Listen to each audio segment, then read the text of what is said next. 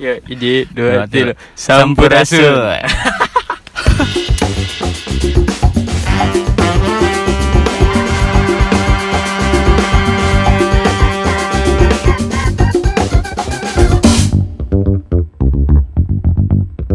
Kembali lagi di Pemuda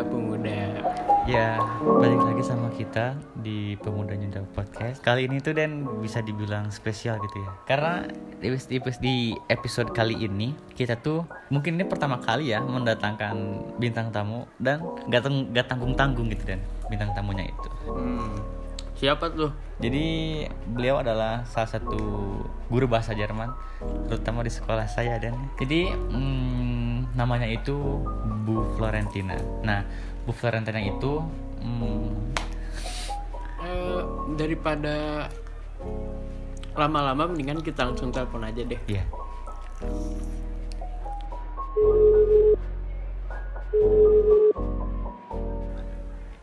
Halo, halo, oh, Kak Farah sini. ya, Oh iya. Gimana gimana? oke. eh, Ibu boleh memperkenalkan diri dulu buat para pendengar kita Bu. Gitu. Ya, oke. Nama eh, selamat siang. Nama saya Florentina Rosalia Nanariain. Saya guru bahasa Jerman. Itu aja kali ya? Enggak. saya ngajar di SMA Negeri 2 Kota Sukabumi. Em, selain itu, saya juga di Kementerian Sosial sebagai pendamping keluarga harapan. Jadi gini sih Bu, jadi kita di sekarang itu ingin membicarakan tentang kuliah atau sebagai kuliah sekolah di luar negeri gitu Bu. Proses awalnya agar kita tuh bisa pergi ke sana gitu. Oh iya. Em, berarti karena saya guru bahasa Jerman, berarti saya hanya bisa cerita tentang ke Jerman aja kali ya Kak Faras ya. Iya, Eh, kalau ditanya bagaimana awalnya, kita tahu kan kalau kuliah ke luar negeri atau jalan-jalan ke luar negeri itu pasti mahal, ya Hmm. enggak Kak? Untuk ke Jerman aja eh, tidak hanya mahal, tapi persyaratannya itu sangat banyak. Dari mulai se- eh, dari mulai administrasinya nomor satu itu harus melampirkan harus menguasai bahasa Jerman tingkat B2 kalau mau kuliah ke jadi kalau B2 itu tingkatan paling tinggi apa gimana Bu? Enggak, enggak juga ya. B2 itu kalau dalam bahasa Jerman itu ada level ada dimulai dari A1 dulu, A2, kemudian B1, B2, C1 dan nanti ada lagi ke atasnya dan B2 ini salah satu persyaratan untuk bisa kuliah di Jerman. Tapi kalau kalau bagi kita SMA di Indonesia, tidak semua SMA di Indonesia itu diakui Oh, ya. Jadi jadi tidak bisa misalnya Kak Farah lulusan SMA 2 hmm. itu tidak bisa langsung kuliah di Jerman S1 harus harus penyetaraan dulu selama Hmm. dua tahun seperti kayak kalau, kalau ke Australia kalau ke Am- Amerika ke ke Inggris juga demikian kan sama juga Iya. dengan ke Jerman harus dua tahun dulu mengikuti student college seperti itu studcall kalau bahasa bahasa anak-anak tuh menyebutnya studcall gitu dan itu pun harus ada testing masuknya juga gitu. Nggak nggak daftar langsung diterima juga untuk studcall itu. Jadi harus- harus ujian lagi Hmm. eh, lulus tidaknya. Sesu- sesulit itu gitu. Biaya juga pasti mahal ya. Hmm. lumayan mahal. Kalau secara mandiri mengajukan dari Indonesia untuk kuliah di Jerman. Seperti itu sih kak. Tapi ada tapinya. Ada orang bilang kan banyak jalan menuju Roma ya. Iya. Banyak in- intinya banyak cara untuk mencapai impian kita. Jadi kalau misalnya ada yang kekeh gitu ya, kekeh aku mau pengen ke luar negeri sekolahnya, kuliahnya, kekeh gitu, Iya. nggak usah khawatir. Banyak khususnya ke Jerman karena saya tahunya Jerman ya. Khusus ke Jerman itu itu bisa mudah sekali untuk nyampe ke Jerman, untuk kuliah, untuk sekolah, untuk berkarir di Jerman itu sangat mudah gitu. Karena banyak program yang ditawarkan yang bisa eh, adik-adik ikutin ya. Ya. Dari 25 tahun ke bawah bisa mengikuti program-program ini gitu banyak. Yang Hmm. bisa dengan murah, dengan mudah, dengan level bahasa Jerman yang tingkat dasar bisa nyampe ke Jerman gitu. Kalau Apa tuh? eh, bedanya dengan TOEFL itu juga harus harus punya juga atau gimana? Sejauh yang saya tahu, kalau ke Jerman itu tergantung dari mata kuliah yang atau atau universitas yang diambil gitu. Kalau kalau kalau perkuliahan di jurusan yang akan diambil itu kebanyakan pakai bahasa Jerman, tentu akan dituntut sekali memiliki sertifikat penguasaan bahasa Jerman. Jadi sertifikatnya itu tidak sembarangan dikeluarkan, tidak semua kursusan tempat kursus bisa mengeluarkan dan diakui oleh kedutaan ketika kita melamar. Jadi sertifikatnya itu khusus sertifikat Deutsch uh, B2, B2 atau tergantung kita melamar program apa ya uh, yang dikeluarkan oleh Goethe Institute. Kalau di Indonesia itu ada di dua kota, Jakarta, Bandung, dan satunya uh, satunya lagi bukan bukan Goethe Institute sih, tapi dia diakui juga ada di Surabaya. Gitu. Jadi hanya di tiga tempat itu aja kak bisa melakukan ujian bahasa Jerman itu jadi nggak bisa nih kalau di Sukabumi ada nih kursus misalnya Get Plus atau apa membuka kursus bahasa Jerman atau saya buka kursus bahasa Jerman melakukan uh, apa ujian lalu saya mengeluarkan sertifikat oh si A misalnya menguasai nggak diakui sama uh, kedutaan besar Jerman di Indonesia. Oh. Berarti uh, les kayak gitu juga harusnya nggak sembarangan ya bu dapat sertifikatnya? Um, ya kalau les boleh di mana aja, les boleh di mana aja, tidak selalu di Goethe Institute, tetapi kita ujiannya harus di Goethe Institute gitu oh. karena sertifikat yang terbit yang yang yang diakui nanti itu yang diterbitkan oleh si institut ini, si institusi ini gitu. Hmm. Nah, seperti itu. Kalau les mah di mana aja boleh. Oh, okay. uh, Berarti bukan yang disiapin yang disiapinnya bukan paspor sama visa doang ya, Bu? Ya, tidak hanya itu, tapi harus melampirkan itu. Hmm. Ya. Kalau yang cara lain itu Bu, apakah kita harus apa kita perlu sertifikat untuk bisa ke sana atau bagaimana? Cara lain itu maksudnya apa? Program-program lain? Iya, program-program lain. Oh iya. Nah, kita mesti ceritanya agak mundur dikit nih. Jadi gini Kak, nah karena kuliah di Jerman itu rumit, terus ke Jerman itu agak mahal. Nah, e, jadi banyak diakali nih sama orang-orang di dunia gitu. Hmm yang pertama step pertama nyampe Jerman aja dulu gitu hmm. setelah di Jerman nanti baru uh, mengembangkan skenario yang lain jadi bisa apply-nya dari Jerman gitu yang penting nyampe Jerman dulu dengan murah gitu oh. nah untuk itu banyak banget program yang ditawarkan salah satunya au pair au pair au pair uh, boy or au pair girl gitu ya yeah. au pair medicine atau au pair young uh, satu-satu ya uh, dan Freiwillige Sosialnya atau FSG. Ada dua program yang yang bisa uh, adik-adik ikutin untuk mudah, murah nyampe ke Jerman. Gitu. Mau ceritain satu dulu au pair dulu ya? Boleh, Bu. Boleh. Oke. Okay. Au pair, au pair ya. Au pair ini salah satu program yang banyak banget diikuti oleh orang-orang di dunia ya. Hmm. Dari 25 tahun ke bawah nih. Jadi au pair itu singkatnya kita tinggal di sebuah keluarga di Jerman selama satu tahun okay. atau enam bulan, tergantung kontrak kerjanya.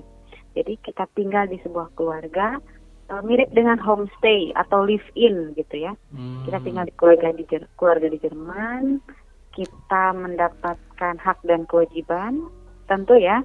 Kita akan tinggal di situ, diberi asuransi, diberi fasilitas, haknya kita diberi uang saku sama orang Jerman, keluarga Jerman itu.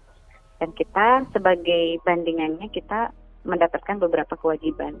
Kewajibannya kita e, membantu keluarga itu pada hal-hal kecil ya bukan hal-hal besar di keluarga itu selama enam jam per hari. Itu uh, seperti itu tapi banyak yang ini loh banyak yang ngikuti nih soalnya kan murah ini uh, untuk au pair itu kita hanya butuh melampirkan sertifikat bahasa Jerman level paling rendah oh. A1 ya. Jadi kalau A1 itu di SMA itu udah dipelajari gitu. Jadi kalau yang di SMA-nya benar-benar belajarnya ngikutin pembelajaran dengan baik, lulus itu sudah bisa menguasai uh, level bahasa Jerman tingkat A1 Hmm. tapi sama sertifikatnya harus didapat di Goethe Institute tadi. Jadi kita ujian di Goethe Institute. Ah. seperti itu. Itu au pair ya. Jadi Iya. dia itu singkat kata itu homestay, tinggal di keluarga Jerman. eh, plus minusnya itu atau hak dan kewajibannya itu haknya uang saku, kamar, akomodasi, kursus bahasa Jerman seminggu dua kali. Tetapi gini kak, sebenarnya di di peraturannya ini legal ya, bukan ilegal. Ini legal. Di peraturannya eh, untuk akomodasi pesawat terbang itu dibiayai oleh oleh apa? Oleh eh, si au sendiri ya. Tetapi Hmm, tetapi eh, ada juga beberapa au pair yang mungkin komunikasinya baik dengan keluarga sampai dibayarin lah tiketnya. Eh, si si keluarga Jerman bertemu si calon au pairnya di mana? Jadi di, di di internet itu banyak sekali agentur, agent yang men- mempertemukan antara ada web-web gitu mempertemukan antara keluarga Jerman yang ingin kedatangan au pair di keluarganya sama orang-orang di dunia yang ingin pergi ke Jerman gitu. Jadi bertemulah mereka di situ, saling melamar, saling ngobrol. Kalau cocok ya bisa lanjut ke tahap eh, pembicaraan kontrak gitu. Seperti itu kak. Ada Terus, lagi? terus tadi teh selain itu teh apa lagi bu? Ada FSD Bu ya? Ah, ada satu lagi FSJ Freiwillige Sozialjahr. Jadi eh, bahasa Indonesia-nya gini, satu tahun kerja sosial. Hmm. ya satu tahun kerja sosial uh, Rotoskreuz palang merah jadi eh, orang Jerman ketika lulus SMA lah bisa dikatakan gitu ya anak-anak remaja Jerman ketika lulus SMA itu kadang mereka masih masih galau gitu masih bingung apakah saya mau kuliah atau saya mau kerja gitu Iya. kalaupun kerja saya mau bidang apa gitu Hmm. Nah, nah di Jerman itu beda dengan di Indonesia. Kalau di Indonesia kan eh, siapa saja bisa bekerja gitu ya. Eh, misalnya di restoran, siapa aja bisa bekerja asal ngelamar gitu ya, atau kenal lah sama yang punya restoran bisa kerja. Atau eh, apa lagi perawat gitu ya. Eh, perawat masih masih harus pendidikan ya. Atau apa ya? Atau di hotel gitu ya. Kadang siapa aja boleh melamar kerja di hotel ya kalau di Jerman itu semuanya itu harus serba menempuh pendidikan gitu. Punya punya keterangan sertifikat bahwa dia me- menguasai skill ini skill ini skill ini gitu. Yang namanya Ausbildung. Jadi kalau di Jerman kalau mau kerja itu harus bersekolah dulu. Ausbildung. Seperti itu. Nggak kayak kita. Nah Nah, orang-orang Jerman itu remaja-remaja itu kadang bingung, saya tuh mau kuliah atau mau kerja. Nah, selama belum menentukan pilihan, kebanyakan mereka mengikuti Freiwillige Sozialjahr ini, FSJ. Eh, biasanya FSJ ini ada di eh, apa ya, di misalnya di panti jompo, panti anak-anak cacat, atau di TK, yang mereka eh, di situ apa ya sosial selama enam bulan atau 12 bulan. Tetapi mereka seperti tadi seperti di au pair, mereka dapat uang saku, dapat asuransi, dapat fasilitas lainnya. gitu. Nah ini juga program ini juga dimanfaatkan sama orang-orang asing yang ingin Oh, ke Jerman iya, benar. gitu. Mereka melamarlah dari tanah air mereka program ini karena ini pun tidak membutuhkan sertifikat bahasa Jerman yang tinggi gitu. Cukup A2 kalau tidak salah. Ya. Berarti sama nah. aja ngon eh, di kontrak di kontrak juga sama ya kayak yang tadi yang pertama ya bu? Betul, betul, betul.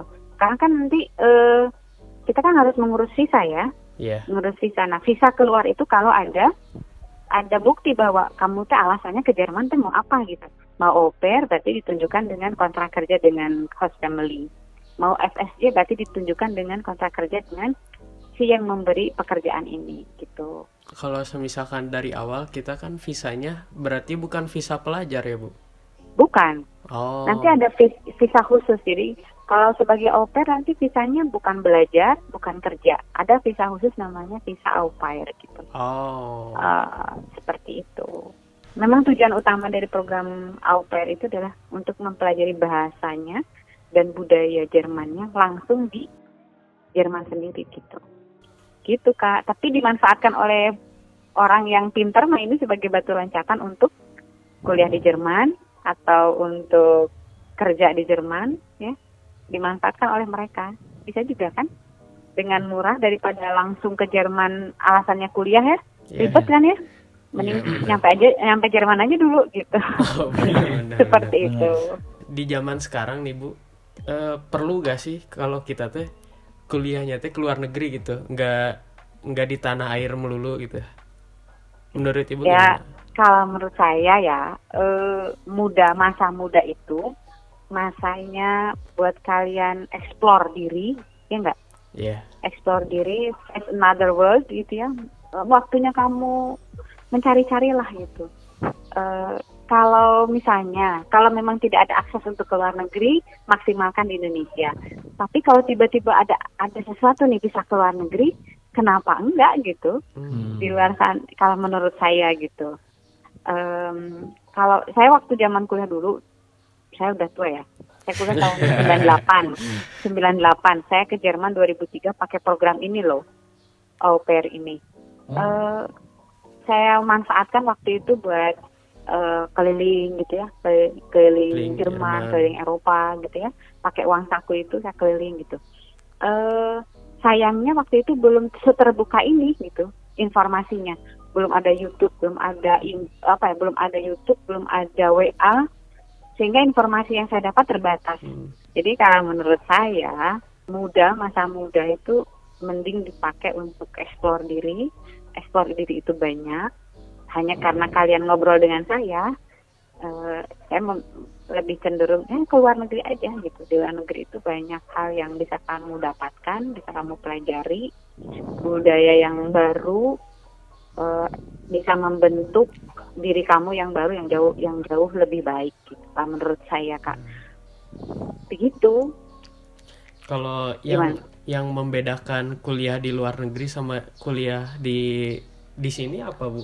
eh kalau menurut saya nih ini ini pengalaman dari murid saya yang baru lulus akademi ya Iya. Ya, akademi di Jerman baru baru lulus nih dia lulus Ausbildung akademi itu Ausbildung ya. Dia nggak dia nggak kuliah.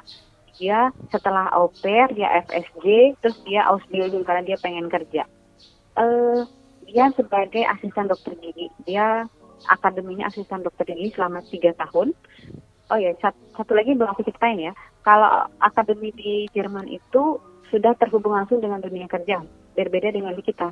Kalau di kita misalnya akademi keperawatan tok-tokan belajar kan di misalnya di di akademinya. Di kampusnya dia hanya belajar aja. Kalaupun magang ya magang aja gitu. Setelah itu balik lagi ke kampus. Kalau di Jerman beda. Kalau di Jerman itu kalau udah masuk akademi berarti orientasinya Ausbildung berarti orientasinya sudah bekerja. Berarti sistemnya juga di sana di, dibuat supaya nanti mereka lulus dari akademi itu bekerja gitu bukan mencari pekerjaan. Jadi Oh. sistem di sana itu gitu. Jadi kalau kalau Kak Farah Ausbildung di Jerman berarti dua hari mere, Kak Farah teori, misalnya mau ngambil Kak Farah ngambil Ausbildungnya sebagai polisi Iya. atau sebagai perawat atau sebagai apa ya um, sebagai asisten guru. Hmm. Berarti Kak Faras dua hari di kampus belajar tentang teori didaktik, pedagogik, eh, psikolog anak lah macam-macam. Hmm. Empat harinya Kak Faras ada di sekolah, Hmm. Oh. langsung turun, langsung turun, langsung sebagai asisten guru, ya langsung dan itu digaji. Oh. Ah digaji dong, langsung digaji dan setiap tahunnya itu berbeda. Tahun pertama sekian, tahun kedua sekian, tahun ketiga sekian gitu. Nah setelah lulus baru bukan gaji ya kalau selama Ausbildung itu eh, uang saku. Nah setelah lulus baru Kak Faras diakui sebagai eh, pekerja profesional karena sudah bersertifikat kan? Oh. Ya seperti itu. Jadi nah nyambung lagi ke pertanyaan tadi. Nah untungnya apa? Be- eh, kalau kita punya sertifikat luar negeri, apalagi Jerman ya. Nah si murid saya ini baru lulus ya, murid saya ini baru lulus. Terus dia ngecek dong, ngecek di dunia ini honor atau gaji sebagai asisten dokter gigi itu paling tinggi di mana? Dia nemu tuh ternyata paling tinggi gaji asisten dokter gigi itu ada di Australia. Ya. Iya. Nah, dia sudah merencanakan dia akan kerja di Australia gitu. Karena gaji gajinya tinggi di sana. Terus saya tanya, Eh, bisa ya, bisa dong. Karena apa? Karena sertifikatnya sudah diakui dunia. Ya levelnya udah diakui dunia gitu. Jadi kakak mau ngelamar di mana pun ya bisa gitu. Bukan lagi ngelamar beda kecamatan ya, sudah beda negara, beda negara. Jadi eh, negara mana yang kak Faras pengenin ya silakan seperti itu. Kalau misalkan kita lulusan dari sini bu, terus Ya. kita kerja di Jerman tuh bisa atau gimana? Eh, ya itu tadi kak Eh, di Jerman itu kalau bekerja harus ada sertifikatnya gitu. Oh. Jadi kalau misalnya perawat ya harus sekolah perawat, harus linear gitu. Kalau kalau di hotel ya berarti dia harus eh, Ausbildungnya perhotelan, Hmm. nggak bisa sembarangan-sembarangan seperti itu. Oh, jadi lebih Iya. dibanyakin langsung kerjanya, langsung praktek ya daripada teori-teori gitu. Ya, yang Ausbildung ya kak ya, Iya. yang yang akademi ya seperti itu. Hmm. Karena memang diproyeksikan untuk langsung kerja, bukan kayak di kita lulus akademi masih bingung cari pekerjaan kan? Iya benar. Iya, nanti kita misalnya ku- kuliah akper nih. Lulus itu masih harus ngelamar, bikin surat lamaran pekerjaan lah, inilah itulah. Masih bingung lagi cari pekerjaan. Kalau di sana ya sistemnya udah bagus kali ya. Apa lagi ya? Aduh. Eh, biaya kali ya bu. Kalau Ya, biaya yang normal gitu bu, yang langsung kuliah ke sana itu kisarannya berapa ya bu?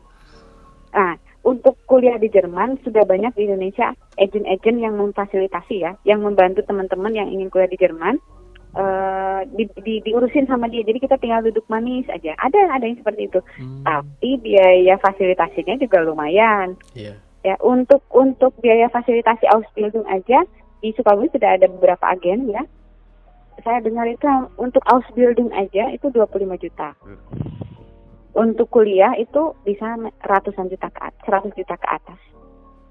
Itu hanya baru baru memfasilitasi loh, Kak. Baru dicarikan apartemen, ini ini ini macam-macam apartemen, lalu kursus mu- permulaan dibikin difasilitasi visa, dianterin gitu. Belum baru biaya kuliahnya itu tuh ya bu. Ya, ya, ya. Seperti itu. Kalau menurut saya sih angka 100 juta itu sayang ya. Kalau bisa kalian ke Jerman dengan biaya yang sangat murah, kenapa mesti milih yang ratusan juta itu gitu? Karena programnya itu yang baru saya yang saya sebut itu sudah dua tuh. Program yang bisa membuat kalau misalnya ke ke pengen ke, ke luar negeri ya, membuat kalian lebih ekonomis nyampe ke Eropa. Seperti itu. Oh berarti Kak. yang cara yang tadi dua itu eh, merupakan cara alternatif ya bu? Ya, ya, betul banget, sangat betul itu. Nah, tapi gini kak, kalau menurut saya kalau mau bersabar nih ya, kalian S1 aja di Indonesia, beresin S1-nya di Indonesia. Nah, setelah lulus S1, kalian baru pergi ke Jerman dengan cara yang dua itu. Selama di Jerman memakai program yang dua itu, au pair kah atau FSC kan, kalian bisa apply S2 di Jerman itu lebih kalau S1-nya diakui. Kalau S1-nya diakui, ya. Kalian bisa langsung S2 di Jerman.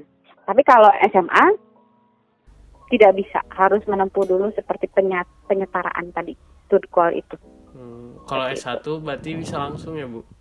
Ya, jadi emang sekarang trennya orang-orang tuh S1 dulu, orang-orang Indonesia ya. S1 dulu di Indonesia, kemudian S1-nya bisa macam-macam. Mereka pada kursus, udah kursus bahasa Jerman dapat sertifikat yang paling rendah ikutan au pair atau FSG berangkat selama satu tahun di sana mereka cari-cari info S2 di mana uang sakunya ditabung buat nanti permulaan kuliah kan Iya. sebelum dapat kerja part time gitu Eh, udah deh akhirnya mereka S2 di Jerman gitu Ah, kerja di Jerman ya seperti itu sekarang sekarang begitu oke. Tapi eh, selain di Jerman, yang kayak gini tuh ada gak sih di luar negeri lain gitu bu? Ada, ada, ada.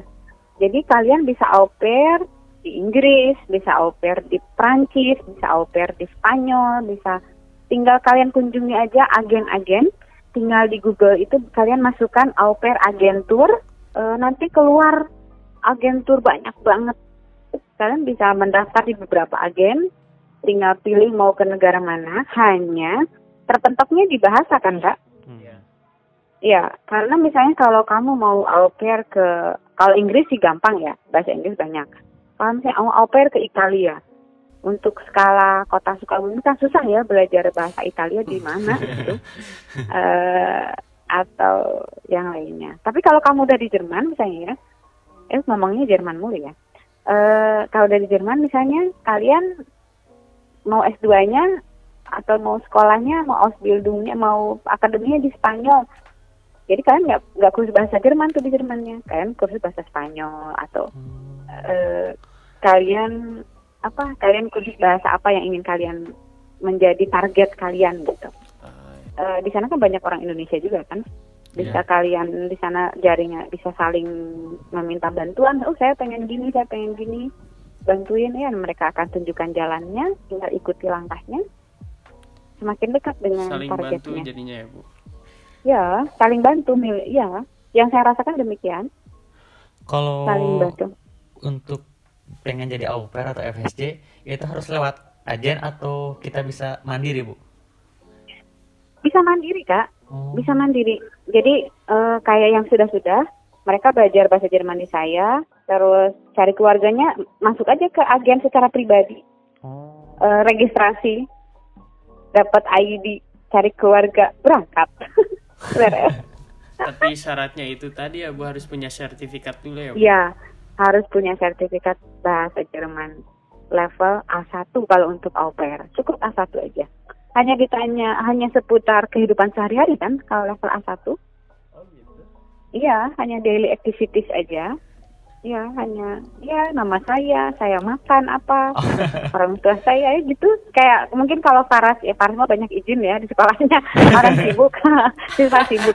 Kalau misalnya Saras ngikutin ya dari kelas 10 ya hanya itu kok hanya. Tapi kalau menurut gue mending mending lulus S1 dulu, digeber S1-nya. Set beres. Nah, selagi S1 itu kalau memang pengen ke luar negeri ya, kalau pengen, memang pengen ke Eropa, misalnya Kak Faras kuliahnya di Bandung. Iya. Nah, S1 di Bandung cepetin sambil kuliah fokus ke kursus bahasa Jerman. Cari guru bahasa Jerman, les privat, targetnya ini gitu. Hmm. At- atau kalaupun kalau sudah lulus S1 nanti banyak sekali beasiswa kan, beasiswa di AAD. Iya. Hmm, jadi bisa nggak usah pakai program au pair atau FSJ itu. Hanya yaitu tadi level bahasa Jermannya harus tinggi, harus yang B2 itu. Keuntungannya ikut yang program 2 itu au pair sama FSJ itu, kalian kan tinggal di sana ya. Iya. Otomatis kalian memakai bahasanya itu setiap hari. Jadi akan lebih mudah kalian menguasai bahasa itu gitu. Ketimbang belajar di Indonesia pakai buku, pakai itu lebih mudah. pusing ya bu kalau Iya, belajar buku-buku Ah, ah. terus mah gitu. Ah, jadi tanpa praktek ya. Iya. Kalau di sana kan ya pastilah di sana di dalam rumah, ke sekolah, naik kereta, di supermarket, eh, semuanya serba Jerman kan. Di TV kalian nontonnya Jerman, di eh, apa ya, Anzeige, Anzeige apa ya, di jalanan itu jalanan semuanya kan nggak kamu nggak akan nemuin bahasa Indonesia kan Iya. hanya bahasa Jerman jadi ya terpaksa jadi bisa gitu Eh, seperti itu. Oh iya satu lagi, Hah, kuliah bahasa Jerman aja, Hah? kuliah Oh. sastra Jerman aja, jadi ke Jermannya lebih mudah. oh iya benar. Gak usah les Jerman banget. Iya, ya kebanyakan gitu loh. Kuliah bahasa Jerman itu bukan karena pengen pengen Jerman-Jerman amat, pengen tapi pengen ke Jermannya. Oh. sekarang tuh motif mot- motivasi apa ya karena karena ke Jerman ini mudah jadi banyak orang yang kuliah bahasa Jerman itu bukan karena pengen jadi guru bahasa Jerman atau tertarik dengan Jerman ya, ya karena pengen ke Jermannya gitu. Oh. seperti itu. Karena kalau udah nyampe di Jerman kan akses ke negara-negara lain mudah karena visa Schengen itu ya jadi ke Belanda nggak usah pakai eh, ke Prancis nggak usah pakai visa lagi Iya. ke Spanyol, ke Itali, ke mana-mana nggak usah lagi karena udah visanya udah visa Schengen jadi Oh. jadi benar. apa ya bisa bebas gitu loh bebas berkunjung gitu. Oke. Baik, Ibu, terima kasih. Jadi kami ini sekarang jadi sedikit terbuka gitu oh kayaknya Iya. bagus gitu ke sana gitu Iya, iya. Kalian bisa explore, uh, menyenangkan, bisa jalan-jalan, bisa eh, ya menemui dunia lain lah selain Indonesia. ya enggak? iya betul. Dengan mudah dan murah. Oke. Ya, terima kasih Ibu Florentina telah mengisi podcast kami dan mudah-mudahan kita semua mendapat pencerahan dari Ibu Florentina ini ya. mungkin dari beberapa teman-teman ada yang belum tahu ya. Mungkin sekarang bisa lebih tahu gitu. Ternyata buat sekolah keluar tuh ada jalannya gitu. Nggak harus punya uang gede gitu. Ya, gitu aja kali ya. iya. Ya. Terima kasih telah mendengarkan podcast kami. Mudah mudah-mudahan kita semua mendapatkan hikmah. Ya, gitu aja. ya Nah, bisa sah.